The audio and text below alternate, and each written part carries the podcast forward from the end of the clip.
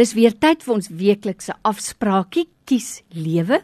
En dis presies wat ons in hierdie paar minute wil doen om jou te help om die regte lewenskeuses te maak sodat jy uiteindelik by 'n punt kan kom waar jy sê ek gaan nie oorgee aan hopeloosheid nie ek kies lewe.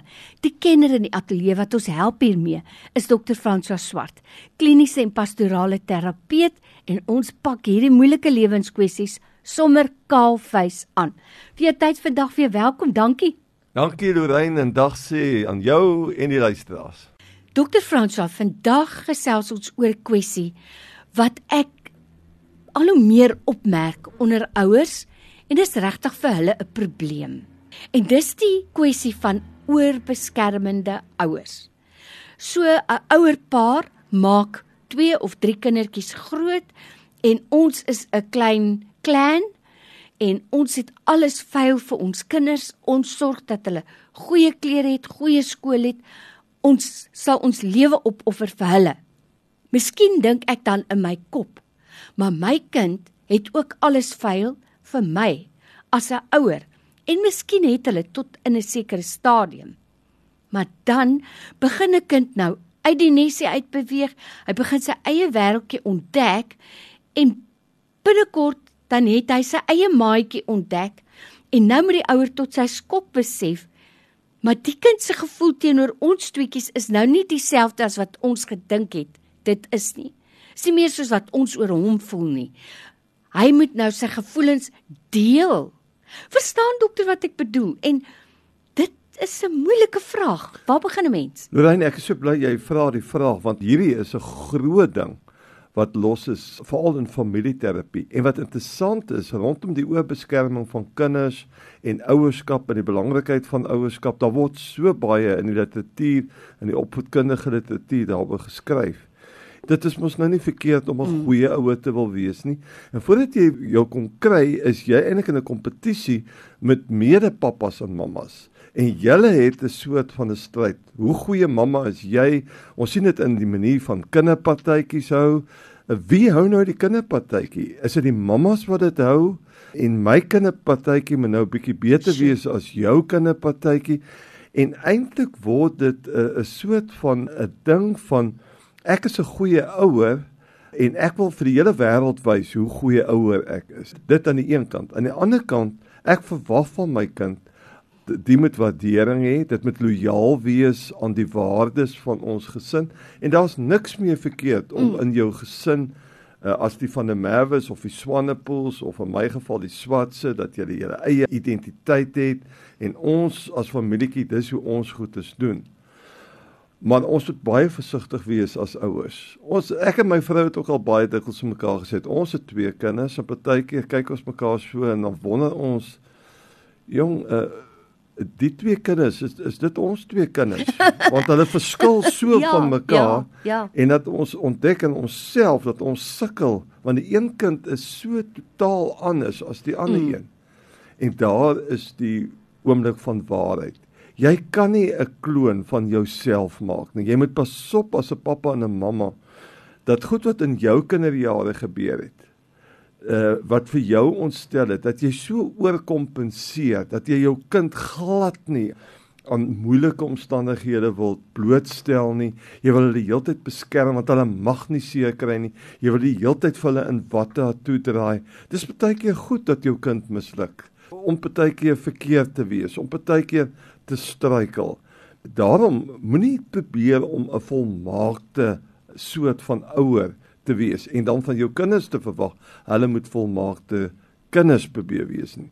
Daar's pragtige programme voorskools waar jy kan agterkom wat se tipe kind het ek. Daar is metafore wat gebruik word. My kind is 'n wilgeboompie of dis 'n doringboompie of hy's 'n geelietjie of groenetjie. Dan begin jy agterkom maar hy's nie 'n klein mammaetjie nie. Hy's nie 'n verlengstuk van my nie. My kind is sy unieke wese. Daar gaan nooit weer so iemand wees nie. En ek as ouers moet ook nie verwag hy moet of sy moet soos ek wees nie. Dis om ruimte te maak dat kinders hulle self mag wees sonder dat hulle beoordeel word. Dis Die kuns van ouerskap lê daarin of jy veilige ruimtes vir kinders kan skep dat hulle hulle eie unieke self mm. kan ontdek en dit dan versterk maar nie om 'n kloning van jouself te maak nie. Nou by my in die ateljee vandag het ek vir dokter François Swart. Hy's 'n kliniese en pastorale terapeut en jy kan dit hoor aan die antwoorde wat ons kry. Ons het 'n kenner en dit was so lekker om vir dokter François te hier te hê. Ek wil maar net weer sê, dankie daarvoor. Nou wanneer laat 'n ouer gaan? Want dit is vir my asof sommige ouers amper 'n ongeskrewe verwagting het. Hulle erken dit dalk nie eens aan hulle self nie. Dat hierdie kind vir altyd en ewig net ons as ouers se beste belange op die hart gaan hê, dat hy ons altyd heel eerste gaan stel in sy of haar lewe en dan tot hulle skok moet hulle op 'n dag sien maar die kind het nou sy eie maatjie gevind of haar eie maat. Ons is nou nie meer eerste prioriteit nie en is vir party ouers baie swaar om te laat gaan. Nou, hoe laat gaan ek as ouer? Want ek sê altyd vir my man, onthou uiteindelik is dit ons tweetjies wat alleen agterbly. So ons moet maar seker maak ons hou van mekaar. Dis die belangrikste verhouding. Hoe laat gaan 'n ouer? Ja, want jy kan so in jou ouerskap opgaan dat jy op die ouend jou lewensmaat verwaarloos en dat julle mekaar verloor want ons gee so aandag aan die kinders en dat hulle gelukkig moet wees en dat daar nie balans is tussen ons huweliksmaats en uh, ons vriende kring, ons eie vriende kring en ons uh, verantwoordelikheid ten opsigte van die kinders nie.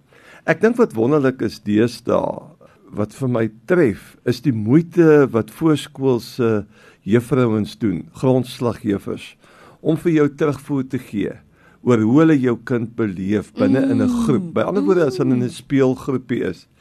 Jy moet as ouer eintlik professionele mense en begin met die grondslagjuffers in in laerskole uh, as ook uh, by speelgroepies gaan sit met hulle, gaan na die ouer aande toe en hoor by hulle, hoe gaan dit met my kind? Hoe hoe gaan dit met die sosialiseringsvaardighede? Hoe gaan dit met hulle konflikhantering? Hoe gaan dit wanneer hulle nie hulle sin kry nie?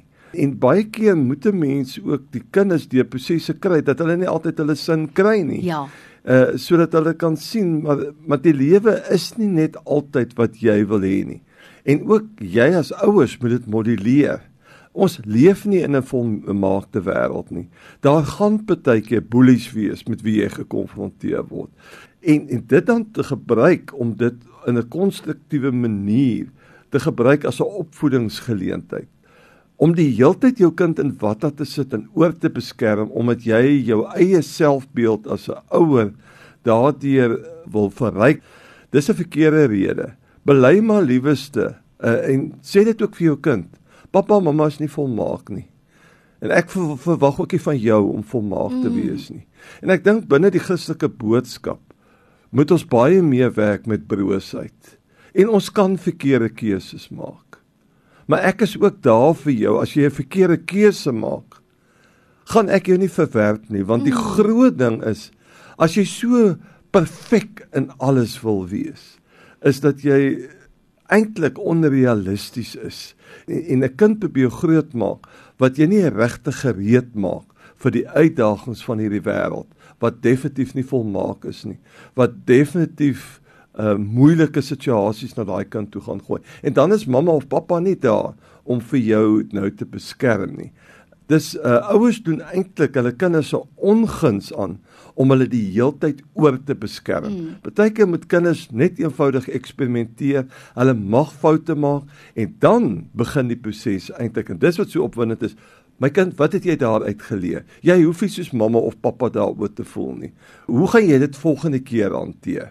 En onthou daar's baie opsies hoe om dit te hanteer. Nie net pappa en mamma se manier is reg nie. Deesdae in in familieterapie moedig ons veral ouers van tieners aan van ouderdom 13, 14 is dit nie 'n slegte idee om jou kind by 'n mentor te kry mm. by 'n uh, ons praat in Engels van 'n life coach, 'n lewensafrigter en sodra jou kind met hulle vrae kom en met hulle worstelinge en hulle is meer ten gunste van hulle maatjies en hulle partytjies en en wat hulle wil doen en nou sien 'n konflik met die ouers kry 'n neutrale persoon in wat met met die kinders begin werk. En daai persoon is gewoonlik opgelei om te luister na die ouers se kant maar ook na die kind maar ook die uniekheid van ouerskap en kunskap uit te wys in daai situasie en dat hulle sal ruimte maak vir mekaar. Sjoe, dit is so waar en so briljant eintlik. Baie dankie daarvoor. Ek dink wat ek wegneem vandag is dit dat 'n ouer nie 'n kind se mislukking as sy mislukking moet ervaar nie, maar dat 'n ouer 'n kind altyd moet verseker ons is altyd hier vir jou. Jy gaan foute maak, maar weet net, jy het 'n veilige hawe kosbare, kosbare inligting. Soos altyd vir daai insig en wysheid. Ons waardeer dit so baie. Nou gaan loer gerus op die webtuiste myhulp.co.za. Daar's interessante artikels. Daar is vir jou geselsies. Daar is ons potgooi ook. So vir dit ook uh, Dr. Fransjo baie dankie en vir jou tyd. Ons kan jou nie daarvoor vergoed nie. Baie dankie. Dankie Lorraine, dis 'n voorreg.